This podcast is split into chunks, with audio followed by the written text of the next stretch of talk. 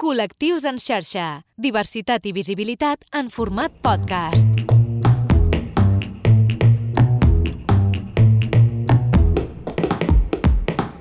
Manel, Què tal? què tal, Manel? Ja hem prohibit el futbol aquí o què? Sí, jo crec que hauríem de, de ser... Com hauria d'acabar tot és amb el final del futbol. Jo crec que sí, és que no, no estem... La societat jo crec que no està preparada per, per, aquest, per tenir aquesta responsabilitat, no? És que jo crec que és antic, fixa't el que et diria. O A sigui, veure. res a dir com, del futbol com a esport, o sigui, meravella.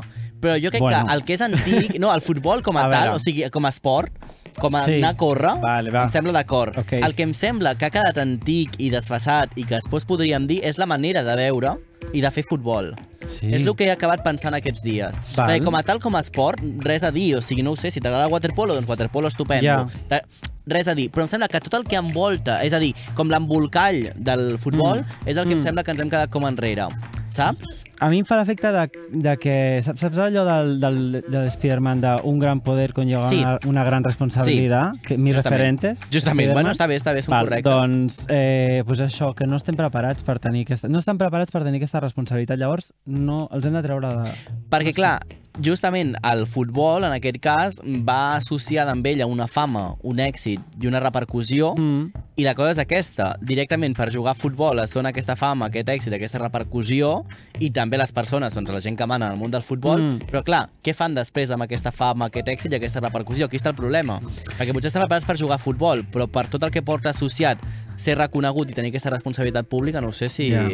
I jo et dic això i mitja família meva es queda sense menjar quan. Ja, sí, ja, bé, treuen, bé, però, però- però mira, mm, però és que jo estic una mica fart. Estic Val. ja una mica fart. Aquest estiu ja ha estat com el, el súmum de, Mm. del, del, del top del, del que jo ja podia esperar del futbol. No sé. I que encara no ha acabat, perquè No, estem no, ja com a setmanes que ha acabat vamos. l'estiu i encara segueix el tema aquest amunt i avall, lògicament per fer referència, si hi ha algú en el món que encara no s'ha enterat, estem parlant del cas Rubiales, encara Per exemple. avui, um, que encara seguim a, a veure què ha de passar amb tot aquest tema i les repercussions eh, reals que tindrà. Mm. Perquè després ja entrarem en detalls, però a mi em sembla que hi ha com una part de performance bastant important en tot això, eh? Oh, o sigui bueno, que bueno. ja ho comentarem. Que anem a posar-nos en matèria, no? Vinga, va. Va, a veure, comença tu la frase.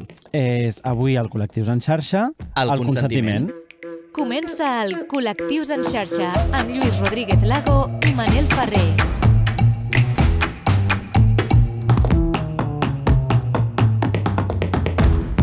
Doncs sí, parlarem del cas Rubiales i Jenny Hermoso, parlarem del consentiment, Mm? Jo crec que hem de treure damunt de la taula aquesta llei del només sí és sí, perquè Sí. ens han d'ajudar a aclarir-la, perquè jo crec que hi ha molta gent que no l'acaba d'entendre. Jo vull que, que la nostra convidada d'avui ens, la, ens ajudi a entendre-la. I, i jo, vull, jo vull parlar de, de, de temes de societat, de com de- d'arrel, com d'estómac que ens estan passant amb, a, amb aquest tema de, de les celebracions del futbol, Mm. de, de... Bueno, De fet, jo volia preguntar, Lluís, la Digues. primera pregunta, així directament. Creus que els mitjans de comunicació ho han explicat i ho estem explicant bé el tema de Rubiales? home, clar, clar aquí a ve un veure, cuidao, aquí, eh? els, que, els que jo llegeixo sí, Val. Però la resta... la resta crec que s'estan equivocant, però no només, clar, però clar, que ho digui jo, ja veus tu, però que sí, jo crec que hi ha, hi ha uns quants, hi ha uns quants que tela. Clar, o sigui, que és quants gairebé més marinera. com donar-li cobertura que no pas explicar la, la realitat del que està, del que està passant. Bueno, I quina realitat alguns mitjans estan explicant del que està passant, també. També amb la llei del només sí és sí, per exemple, eh? Mhm. o de les rebaixes aquestes eh, d'anys de presó, per exemple. Bueno, avui tenim una convidada Sí, que ens ajudarà que ens a ajudarà, respondre. jo penso que ens ajudarà molt, és la Sandra Burgos, Mm. advocada de família, experta en dret familiar i violència de gènere, que podríem passar a saludar Oh, tant que ja sí, directament, oh, i que s'uneixi amb nosaltres a aquesta conversa. Sandra, estàs per aquí, què tal? Hola, estic per aquí. Bona tarda. Hola, Què tal? Què tal? Molt bé. doncs mira, justament eh, per al tema que suposo que segurament és per al que més t'estan contactant aquests dies els mitjans de Possible. comunicació, el tema tant, Rubiales, eh, Jennifer Hermoso, eh, ara et demanem que ens ajudis, com ja vas Mm. fer, recordo, amb la llei trans també, ajudar-nos a desgranar una mica doncs, aquesta part més tècnica de, de tot eh, plegat, però la primera pregunta que et faig, Sandra, també com a persona que està com eh, pendent també de les xarxes socials de la informació, creus que s'estan explicant bé les coses als mitjans de comunicació, ho estem fent de manera transparent o hi ha com una part que tampoc està ajudant? A veure, jo és que crec que segons els mitjans que segueixis mm. o escoltis, sembla una realitat paral·lela però totalment oposada. O sigui, mm, a veure, jo sóc de, de les vostres en el sentit de que els mitjans que jo escolto o procuro escoltar doncs estan explicant el cas com toca, de que hi ha hagut una agressió sexual, de que aquest senyor pues, reflexa el comportament d'alguns homes, que no tots, la majoria mm. no, però n'hi ha uns doncs, que encara estan a la caverna i de tant en tant surten de la cova eh, a dir i a fer doncs, coses que no toquen, i després hi ha mitjans doncs, que estan blanquejant aquest senyor, que s'estan posant les mans al cap dient que no hi para tanto i que dius és que no han entès res i a més doncs, bueno, suposo que formen part d'aquest col·lectiu que per sort són cada cop menys de senyoros que, mm. bueno, que estan molt ben instaurats en el seu patriarcat i en el seu atemptat a tot el que signifiqui una cosa diferent a ser heterosexual, catòlic i patriota espanyol i ja està bé, una miqueta, ja estem tots una miqueta cansats. Totalment. Mira, per començar per, per alguna banda, parla'ns del consentiment i de com s'expressa el consentiment en aquesta nova llei del només si és sí, per exemple. Mira, jo, i això ho he parlat amb moltíssims mitjans de comunicació des de que es va començar doncs, la tramitació d'aquesta llei, la llei del només sí és sí és una llei boníssima i que no us enganyin. El problema amb aquesta llei és que certs partits polítics i certes tendències l'han aprofitat per polititzar i per fer polèmica amb aquesta llei. I cada dia anaven traient xifres de que no sé quants agressors sexuals havien sortit al carrer, etc etc. Repeteixo que aquesta llei és fantàstica. És de les més avançades que hi han arreu del món i la més avançada a nivell europeu. Què ha passat aquí? I això sempre o s'explica malament o s'explica parcialment i la gent només es queda amb la idea de que està excarcelant a delinqüents, agressors sexuals, de que per les dones és un horror. Home, a mi em fa gràcia que precisament la dreta i l'extrema dreta ara estiguin tan preocupades per les dones. Exacte. Perquè, escolta'm, en qualsevol votació parlamentària, les dones i els homosexuals, vamos, giren l'esquena i o s'abstenen o directament voten en contra, amb la qual aquesta preocupació, home, fa sospitar bastant. Què ha passat amb aquesta llei del només sí és sí? Doncs que s'ha centrat el consentiment al mig de tot. Això què vol dir perquè la gent m'entengui? Amb la llei antiga, i fins que no hi va haver aquesta reforma, era la dona, la agredida sexualment, la que tenia la càrrega de la prova de demostrar Exacte. que havia dit que Mm. no i que havia s'havia resistit i havia tornat a dir que no i s'havia tornat a resistir i en comptes de doncs, donar-li a ella la veracitat, bueno, se la qüestionava i era bueno, un via crucis horrible. A veure, jo he assistit a judicis que Fiscalia o inclús el propi jutge o jutgessa li havien preguntat a la senyora que havia estat agredida sexualment i que, pobreta, s'havia animat a denunciar, perquè no ens oblidem que només denunciaven una de cada deu dones agredides, Uh -huh. i sentir preguntes com que se li preguntés si havia tancat bé les cames o si portava la roba interior de quin color. M'entens? Déu-n'hi-do. O sigui, amb aquesta nova llei el que es fa és que ha de ser l'agressor el que ha de demostrar que hi ha hagut consentiment. Uh -huh. S'inverteix la càrrega de la prova. I a part d'això, doncs, evidentment, mm, s'enfoca molt aquesta llei en prevenir, en evitar que aquestes coses tan horribles passin. Cosa que ja és molt bona. Evitem tenir més víctimes, anem a fer prevenció, a, anem a fer mm, tasca pedagògica, de formació, d'educació, d'evitar aquests comportaments. I, escolta'm, i si arriba, malauradament, una agressió sexual, doncs, bueno, evidentment que la dona, sobretot en el judici, no hagi de ser ella la que demostri que es va negar i es va tornar a negar, perquè Clar. també tots i totes sabem que quan una dona resisteix, malauradament, en xifres molt altes, l'acaben matant. Exacte, exacte. Val? Mhm. Llavors és que, clar, teníem aquí un cicle pervers i perniciós en el qual, escolta'm, si et resisties et mataven i si no et resisties semblava que denunciaves falsament. Dius, home, ja n'hi ha prou, no? De fet, eh, Sandra, justament amb això que ens estaves dient ara, mm, m'hi ha fet pensar, perquè en el cas de Jennifer Hermoso, en un primer moment estàvem tots pendents de si Rubiales dimitia o no dimitia, que jo crec que això ja és el, el primer error, perquè jo crec que davant d'aquesta conducta el que haurien de fer directament era fer-lo fora, no esperar que ell, per decisió pròpia, acabés marxant. Però més enllà d'això, eh, el que va fer Rubiales va ser directament posar la pilota sobre la taulada de Jennifer Hermoso i que ella eh, tingués eh, proves o, o pogués tenir elements per poder-se defensar quan ella era la víctima. O sigui, jo crec que eh, ja la història va començar molt malament, no? I de com s'explicava i també de les respostes que esperaven, perquè tothom estava esperant que Jennifer Hermoso sortís al pas eh, i a sobre Rubiales esperava que sortís al pas per defensar-lo a ell. O sigui, no, No. no vam entendre res de tot De això. fet, hi ha un comunicat fals, Sí, sí, no? I unes comu- fotos també sí, sí. manipulades. O sigui, en tot això, Sandra, I les eh, és tremendo. i... Mm. Bueno, ve a demostrar una miqueta el corralito d'aquest senyor i de tots aquests senyoros que, que hi ha al voltant, heteropatriarcal, catòlic i, i, i molt caspós. A veure, però és que fixa't, lo pervers que arriba a ser tot plegat. O sigui, unes imatges que hem vist, i no exagero, a nivell planetari, Mm. que les hem vist totes tot el, i tots, tot el planeta, i aquest senyor, en les seves declaracions, ens deixa tots de tontos, Mm. ens diu que el que vam veure no va ser allò i pràcticament que qui va ser l'agressora va ser ella. Es fa la víctima quan és ell el victimari i ho hem vist tots, no presumptament perquè ho hem vist tots, i a sobre dona lliçons de feminisme. O sigui, dius, de veritat, o sigui, és que l'espeech que va fer aquest senyor és per analitzar-lo Mm. en una facultat de psicologia per analitzar una miqueta, eh, una miqueta la perversitat de, de, del victimari, que és victimari i es fa la víctima i a sobre ens dona lliçons i ens vol fer creure una cosa que realment, evidentment, tots hem vist que no ha passat. És que tot plegat, dius, mm, bueno, és que aquest tipus de personatges han, han, han de marxar, però, però, però immediatament. El que a mi em fa mal és que les reaccions han sigut molt tardanes, mm. han trigat moltíssim i s'han fet una miqueta per fer rentat, Mm. però al final mm, seguim amb les mateixes. Han posat a la Montserrat Homer, han fet fora el Bilda, el que tu vulguis, però bueno, han convocat a les jugadores. Exacte. So pena bueno, de deixar-les uh, sense feina durant cinc anys, que acaben completament amb la seva carrera futbolística, perquè Mm. tots sabem la, la, les carreres professionals esportives que, que són de molt poca, cor- de molt poca Tenen durada, caducitat, i sí, a sí. sobre amb unes penes econòmiques que dius, home, em fan una miqueta de gràcia perquè aquestes noies cobren la meitat de la meitat de la meitat de la meitat dels jugadors masculins, però en canvi les sancions són idèntiques. Dius, bueno, a veure, si hem de tenir unes sancions idèntiques als homes, doncs escolta'm, potser que ens remunerin de la mateixa forma. Tot plegat és que necessita una reforma integral, però bueno, de dalt a baix. Col·lectius en xarxa. Segueix-nos a les xarxes socials i a les principals plataformes de podcast.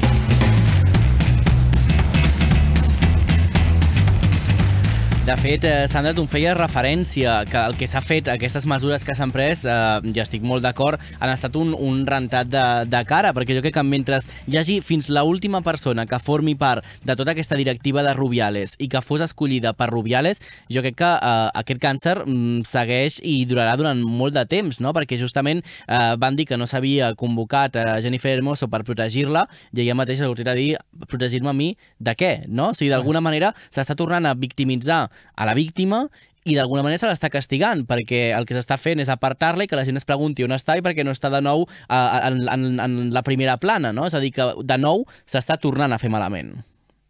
Sí, és que fixa't, o sigui, primer ningú li ha preguntat Mm. què volia ella fer, perquè, hola, ella tindrà alguna cosa a dir, no? Clar. Diuen que se l'està protegint. Ella pregunta, a veure, de què m'esteu protegint? Però tornem una miqueta a lo mateix, se l'està infant- infantilitzant. O sigui, com si fos una criatura petita, que no té ni veu ni vot ni ha de dir absolutament res, et protegim, expliqueu-me de què, i tornem una miqueta en aquest circuit pervers de dir, bueno, escolta'm, que estem parlant de professionals d'èlit, que són jugadores que, escolta'm, que han guanyat un Mundial. I jo tinc la sensació, com a vegades he tingut jo amb la meva professió per companys i segons quins estaments, que ens tracten com si tinguéssim 3 anys, fóssim tontetes i a sobre ens haguessin de protegir de les seves pròpies agressions. Dius, bueno, a veure, que estem entre adults i persones que se suposa que estem en situació d'igualtat.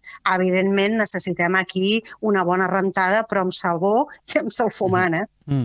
Jo penso que és, és una mica el, el que dèieu vosaltres i el que deia el Manel. No? Aquí hi ha una, i el que deies tu també a l'inici, Sandra, aquí hi ha una cosa molt arrelada, molt, molt, molt arrelada i que a més ha tingut molt temps per fer arrels i per, per estar-s'hi, a més amb, amb uns privilegis molt alts, que ara eh, jo crec que si alguna cosa eh, bona podem treure de tot plegat, a part del revulsiu que ha suposat per la gent i el que, el, el que, la gent que ha arribat a despertar tot aquest tema, és que eh, hi ha una part de la societat que sí que va veure estranya aquella situació del petó. Que ho sabem identificar, no? Que, que... que sabut, exacte, mm. que ja ho vam saber identificar i que hi ha una cosa de l'ètica i del que era normal fins ara que sí que alguns en, ja en, ens ha canviat. Aquest, aquest paradigma ens ha canviat. El que passa, el que sí que passa i que crec que passa, és que en aquella, en aquella conferència en el que encara recordem, no?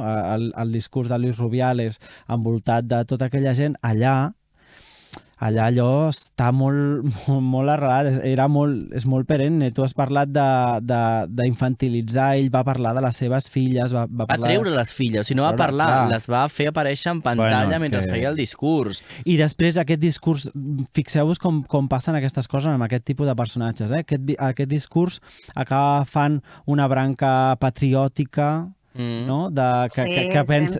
Oi que sí? Que penses, ja sé on acabarà aquest senyor quan, si, sí. si no acaba aquí. Eh, i llavors... Bueno, és que li va faltar un arribar a Espanya i Clar, aixecar el braç. Exacte. Jo a mi és el que em va faltar. Clar. No, però és que més fixeu-vos, o sigui, aquest senyor, considero jo, aquesta és la meva opinió, mm. va instrumentalitzar a les seves filles. Clar. Tornem mm. al mateix. Porta les dues nenes, que per cert, abans de portar-les allà, potser que li pagués la pensió a la mare d'aquestes nenes, eh, que també seria un detallazo. Sí. Vale?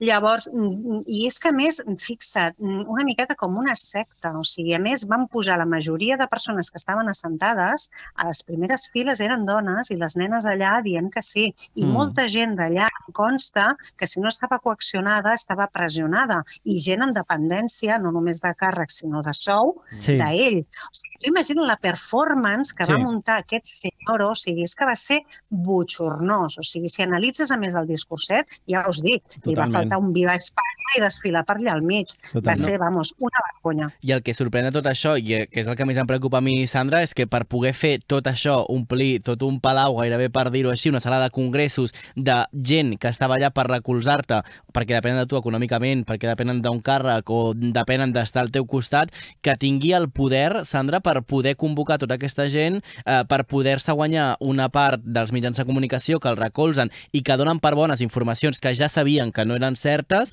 i també aconseguir que una certa part de la classe política també et defensi. O sigui, jo no sé si Rubiales realment em sembla que només hem vist com la punta de l'iceberg, o sigui, que és una persona poderosa i, i, i que té molts possibles per poder-se salvar i, i defensar-se de coses que tots sabem que no hauria de, de fer-ho, no? És a dir, al final és el com començàvem amb la conversa amb el Lluís al principi, que el futbol, més enllà d'un esport, eh, amb això es demostra que va molt més enllà i que toca moltes eh, més parts de, de, de, de les tecles d'aquest piano, no? Mm -hmm.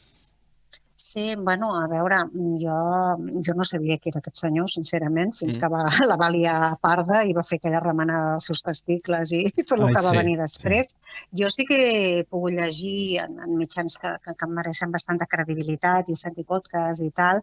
Bueno, per lo que es diu, no ho sabem, no? però per lo que sembla, mm, bueno, podria tenir inclús certes activitats, per lo que diuen i presumptament mafioses. Mm. Sembla ser que aquest senyor, dit per la seva pròpia família, el seu tiet ja t'ho va dir, que és una mica mafiós, que és una mica paranoic i que és un senyor que grava les converses i, bueno, una miqueta té cert poder perquè ja es procura, o sigui, ja s'anticipa, no? És una persona, doncs, que doncs, potser si comet doncs, fets il·lícits, doncs també doncs, sempre té gravacions, té proves, mm. viu una miqueta, segons el seu propi tiet, en un estat de paranoia. Llavors, clar, primer hem d'identificar quin perfil hem ficat allà, que és una persona, doncs ja, jo això sí que ho he vist claríssimament un masclista, un, bueno, tot un caspós i tot el que puguem dir al respecte, però també podríem estar davant presumptament d'un delinqüent amb la qual tornem una miqueta, no només hi ha aquesta qüestió d'aquestes imatges tan botxornoses que ens va donar mm. i tot el que ha vingut després, sinó que aquest senyor podria tenir negocis turbis o inclús ha arribat a parlar de que mm, senyoreta amb la que va, senyoreta que col·loca allà a la federació i li posa un supersou, sembla ser, presumptament. Llavors mm. que no només tenim un problema molt greu amb tota l'organització i aquest patriarcat i aquesta caspa, sinó que també podríem estar parlant davant de que tenim una organització organització presumptament criminal. Llavors, ojo, una cosa i l'altra, potser que féssim neteja i s'obrís una investigació. Però torno a repetir, sembla ser que aquest senyor té tant poder que vés a saber qui podria, qui Ja. podria caure pel camí. Per això també el suport d'alguns partits polítics, que no sé si és per això o si no perquè aquest discurset ja els interessa, ojo. Tenir muntat, aquest xiringuito patriarcalista, etc etc, doncs, bueno, ja va una miqueta amb la tendència d'aquest- d'aquesta tendència política, no? que Mhm. ja els agrada això. Escriu-nos i envia les teves preguntes o dubtes a través de les xarxes del Col·lectius en xarxa. I Sandra, jo tinc la curiositat eh, també perquè ens ho expliquis, perquè ens vera que una gran part de, de la conversa, també els mitjans de comunicació, és una mica doncs, en el moment aquell que no sé si també és violència directament quan es repeteix tantes vegades aquest vídeo a la televisió, perquè jo imagino que sóc la persona que surt en aquell vídeo i l'haig de veure en bucle 850.000 vegades al dia per televisió, perquè jo crec que arriba un moment que és innecessari, perquè ja l'hem vist tots el vídeo, Sí. és a dir, seguir il·lustrant, no, Sandra, a, a aquest moment amb aquest vídeo, potser ja acaba sent una mica de més. Què li pot passar a Rubiales si parlem eh, de manera legal? Quines conseqüències pot tenir al final d'aquest camí per ell? Home, a veure, mm, és el que parlàvem abans, és un fet greu, que se li ha Mm. tret mm, importància per segons quins sectors, però bueno, és que aquest senyor pot ser jutjat i segurament serà jutjat si es fan les coses bé, vamos, si no passa res estrany, que jo ja m'espero qualsevol cosa, Mm. perquè anem dia a dia Sí. amb una nova notícia, Sí. no? Però bueno, de moment doncs, hi ha una instrucció, hi ha una imputació per un delicte d'agressió sexual. Evidentment, no ha sigut una violació que, sobretot molts mitjans de comunicació, home, això és una exageració, patatim, patatam, és una agressió sexual. Evidentment no hi ha hagut una penetració, evidentment no s'ha emprat una força, sí que podríem dir que s'ha emprat doncs, aquesta posició de domini, no? aquesta superioritat, perquè és el seu cap i a més el, Mhm. el supercap no? d'allà. Però bueno, això hi haurà una instrucció i aquest senyor tindrà una condemna. Ja veurem de quina entitat. Mm, Clar. Segurament, evidentment, si no té antecedents, no sé si els té o no els té, eh? No ho sé, Però perquè amb els no negocis que entrarà té... veurem, veurem també Bueno, per on, per on ja surt. veurem Sí. però mira, jo estic contenta. A veure, me sap molt greu perquè la Jenny Hermoso, evidentment, veure's a la tele dia sí, dia Mm. també, Mm. no perquè ha sigut una supercampiona i és Clar. una esportista d'èlit, sinó per la tonteria d'aquest senyoro, home, per ella va ser molt dolorós. Mm. Però mm, filant una miqueta amb el que dèieu abans, jo estic contenta de que hagi passat això. I enteneu-me per què. Perquè mm, estem davant d'un despertar Mm. eh, la societat, la bona societat, eh, després sempre queda algú per aquí penjant, ens hem adonat de que mm, aquests comportaments ja no es toleren més. Durant segles i segles i segles, i, i en aquest país i en la majoria, ostres, mm, les dones hem estat aguantant comportaments, comentaris, observacions, i és que a sobre no podies dir res, perquè jo, per exemple, que he sigut molt guerrera alguna vegada que he espategat alguna cosa amb educació, et tractaven de boja, d'amargada, feien veure que estaves boja, m'enteneu? Mm. Que, ostres, moltes dones que abans callaven, a partir d'això que ha passat amb la Jenny Hermoso, s'han proposat ja no callar, i moltes dones que normalitzaven, i molts homes que normalitzaven aquests comportaments, se n'han adonat de que no pots anar tocant a la gent, Clar. que no pots anar agredint a la gent, que no pots fer segons quins comentaris a la gent. Ostres, nosaltres, les dones, estem cansades. Jo tinc vora de 50 anys i encara em passa anar per un carrer i que un tio, perquè ell li ve de gust, sense que jo li hagi demanat ni me l'hagi mirat, pues, em digui qualsevol guarreria. Dius, home, en sèrio? Llavors, Ja. és bo que la consciència de, de la societat doncs, mm, estigui per, per, per aquesta feina, però respecte a tothom, no només a les dones, Mm. a tots col·lectius, a totes les persones. A tu no t'han de dir res si, si, si tu no has iniciat una conversa amb aquella persona, i menys tocar-te. Mhm. I amb això estic contenta en el sentit de que la gent se n'ha adonat i hem dit prou, i escolta'm, hi ha hagut un canvi i jo crec que d'aquesta cosa tan, tan, tan botxornosa hem tret una cosa que és positiva, no? Sí que que la gent cert. se n'adoni de que aquests comportaments cavernaris ja no podem continuar amb Mhm. ells. Sí que és cert que hi ha un, un canvi i estic molt, molt d'acord, eh, però a mi em sembla, Sandra, que hi ha gent que encara no s'ha enterat de res, perquè estàvem sortint del, dels primers dies de, del cas Rubiales, eh, poses 4, el programa que Sí, fan al migdia, en boca de exacte. todos, surt una reportera, Isabel Balado, eh, fent un directe al carrer i apareix un senyor i li toca el cul davant d'una càmera de televisió sabent que estan en Clar, directe. sabent que dir, estan en directe. Jo hi ha tan coses fort. que no les, no les Sí. eh, puc entendre. Per sort aquí la cadena ràpidament van anar a posar una Reacciona, denúncia i van sí. reaccionar i, i van anar molt ràpids també. Però jo no sé si, Sandra, hi ha una part ja també d'aquí que és com una provocació Bueno, ja per, jo per part que- d'alguns uns homes. Jo penso que el que hi ha és una sensació d'impunitat total, Sí, no? sí. El que Sí, penso és, és, és que hi ha una sensació d'impunitat total perquè era el que passava, perquè era el que, el que es venia fent i aquí ningú deia res, que és el que deies tu abans sobre, sobre la- l'actitud de les dones, que després qui ho deia a sobre era mig represaliada. Però, Sandra, perdona, eh? tornant al, al tema de la llei de només sí és sí, perquè fa poc eh, va Sí. sortir també a les notícies el tema de la rebaixa en el, en el cas de, de la manada. Però aquí hi ha un vot particular de la jutgessa, que a més que és la jutgessa que està eh, més formada en, en delictes de- d'agressió sexual i de gènere. Llavors, com pot ser que encara passin aquestes coses? O com pot, com pot ser que ens passin aquestes coses? Bueno, ens passen aquestes coses perquè són persones. Ja. Vale? Llavors, clar, la creació de les lleis les creen les persones. Totes les persones tenim una formació, però no només una formació, sinó un històric. D'on venim, tenim una càrrega genètica, tenim una família que ens han educat de certa manera, més bé, més malament, més com sigui, no? I després hi ha unes vivències i uns factors estressors que també ens fan ser doncs, d'una manera o d'una altra. Amb els jutges, per molt que vulguem pensar que la justícia és cega i que ha de jutjar amb imparcialitat, és que no és així, però és que Mhm. encara que ens trobem amb jutges imparcials i que estiguin formats en violència de gènere i jutgin en perspectiva de gènere, pensa que la càrrega patriarcal la portem tots. Totalment jo eh? mateixa, Estem- que sóc eh? advocada expert Sí, sí, jo sóc advocada experta en violència de gènere i em considero feminista i he tingut un despertar feminista i, i dura molts anys i a vegades em descobreixo a mi mateixa fent comentaris que dic, ostres, Sandra, borra, Mm. error, Mhm. vale? Sí, sí. Llavors, amb els jutges passa exactament el mateix i us torno a repetir mm, que moltes decisions que es prenen realment es, es valoren des d'un punt de vista patriarcal. Mhm. O sigui, sentències que són abominacions que, repeteixo, amb la llei del només sí és sí, aquestes sentències, ojito cuidado, perquè poden ser després eh, sancionades, en el sentit de que no podem posar el focus en la víctima, sinó Mhm. que l'hem de posar amb el victimari. A partir d'aquí, com la justícia és, eh, bueno, es fa a través de persones... I s'interpreta, si no?, tenim- també. Clar, mm, pensa que la llei, molta gent m'ho pregunta, escolta'm, com pot ser que amb una mateixa llei s'interpreti d'una manera o d'una altra?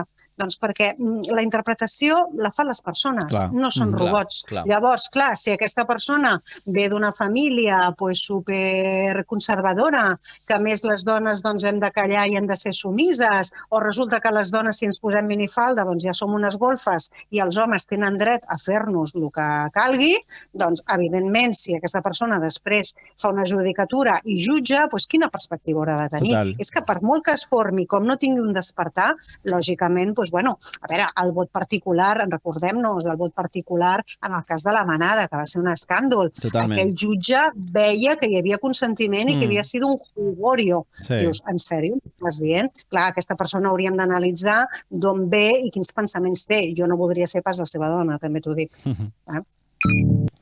Col·lectius en xarxa. Ja disponible a la plataforma La Xarxa Més. I ho haurem d'acabar aquí, Valls, que vols fer una última pregunta. No te la No, no, quedis, no, que no, després no. te'n vas a casa amb la pregunta dins. Bueno, perquè tu ens vas ajudar molt amb la llei trans també fa un temps i fa res tornava a sortir al diari ABC dient que, que un senyor s'havia canviat de, de gènere i havia fet frau de llei. Bueno, aquestes coses, aquestes fake news que surten a diaris o a tira, de tirada nacional i a més que llegeixen molta gent i que, que realment eh, és una mentida darrere una altra, perquè la llei trans l'hem llegit aquí, l'hem tingut aquí al davant, l'hem analitzat 400 vegades, eh, diu claríssimament que una persona que quan ha comès eh, el delicte eh, se'l jutja en aquell moment. Bueno, Clar, Era sí, això. clar, sí, sí. Es té en compte, doncs, en aquell moment, si el, el delicte l'ha comès sent un home, doncs, evidentment, se'l jutjarà com un home. Clar. Després entraríem amb el debat de si aquesta persona, que ja ha passat, sobretot a Anglaterra, hi ha hagut, ha hagut un cas molt sagnant, mm, Clar, entríem amb la valoració de que un home que ha sigut condemnat, per exemple, per agressions sexuals, vale? amb Mhm. aquesta llei doncs, té la possibilitat, i és així, ens agradi o no ens agradi, doncs, d'autodeterminar-se com a dona i passar a ser doncs, eh, legalment una dona. Què podria passar? Doncs que aquesta persona eh, podria anar a una presó de dones. Mhm. Clar, un agressor sexual que realment està fingint i Totalment. autoproclama dona, doncs, home, hi ha un perill per les dones. Al Mhm. Regne Unit hi ha, hi ha, cas, hi ha un cas d'un element que és Sí, un el coneixem. depredador sexual Absolutament, i clar, és com ficar una guineu en un, en un cau de gallines. Lògicament ha sigut un perill i ha donat una transcendència molt, molt, molt perversa, no? Mm. A partir d'aquí, doncs, a veure, jo crec que cada cas s'ha de valorar i Clar. emprar el sentit comú. que A Totalment. vegades és el que més no? Doncs importantíssim aquest sentit comú. Sandra Burgos, moltes gràcies per passar Moltes de nou per gràcies. al Col·lectius. Un plaer, una Que abraçada. vagi molt bé. Fins la Adéu. propera. Nosaltres, Igualment, Lluís, adéu. marxem escoltant música. Sí, a l'Alba Grassa. Aquesta la vaig descobrir aquest estiu. Molt bé. Es diu No és que no t'estimi. Em sembla molt, molt graciosa i l'he posat aquí al col·lectiu. Molt bé, doncs amb ella marxarem. Gràcies també al Marçal CC per acompanyar-nos a les vies de so i fins la propera setmana. Que vagi molt bé. Adéu. Aparca ja el cotxe, que això no ens fa bé. Les llàgrimes cauen amb els meus pensaments. I no és que no t'estimi, però això és un carrer no té sortida i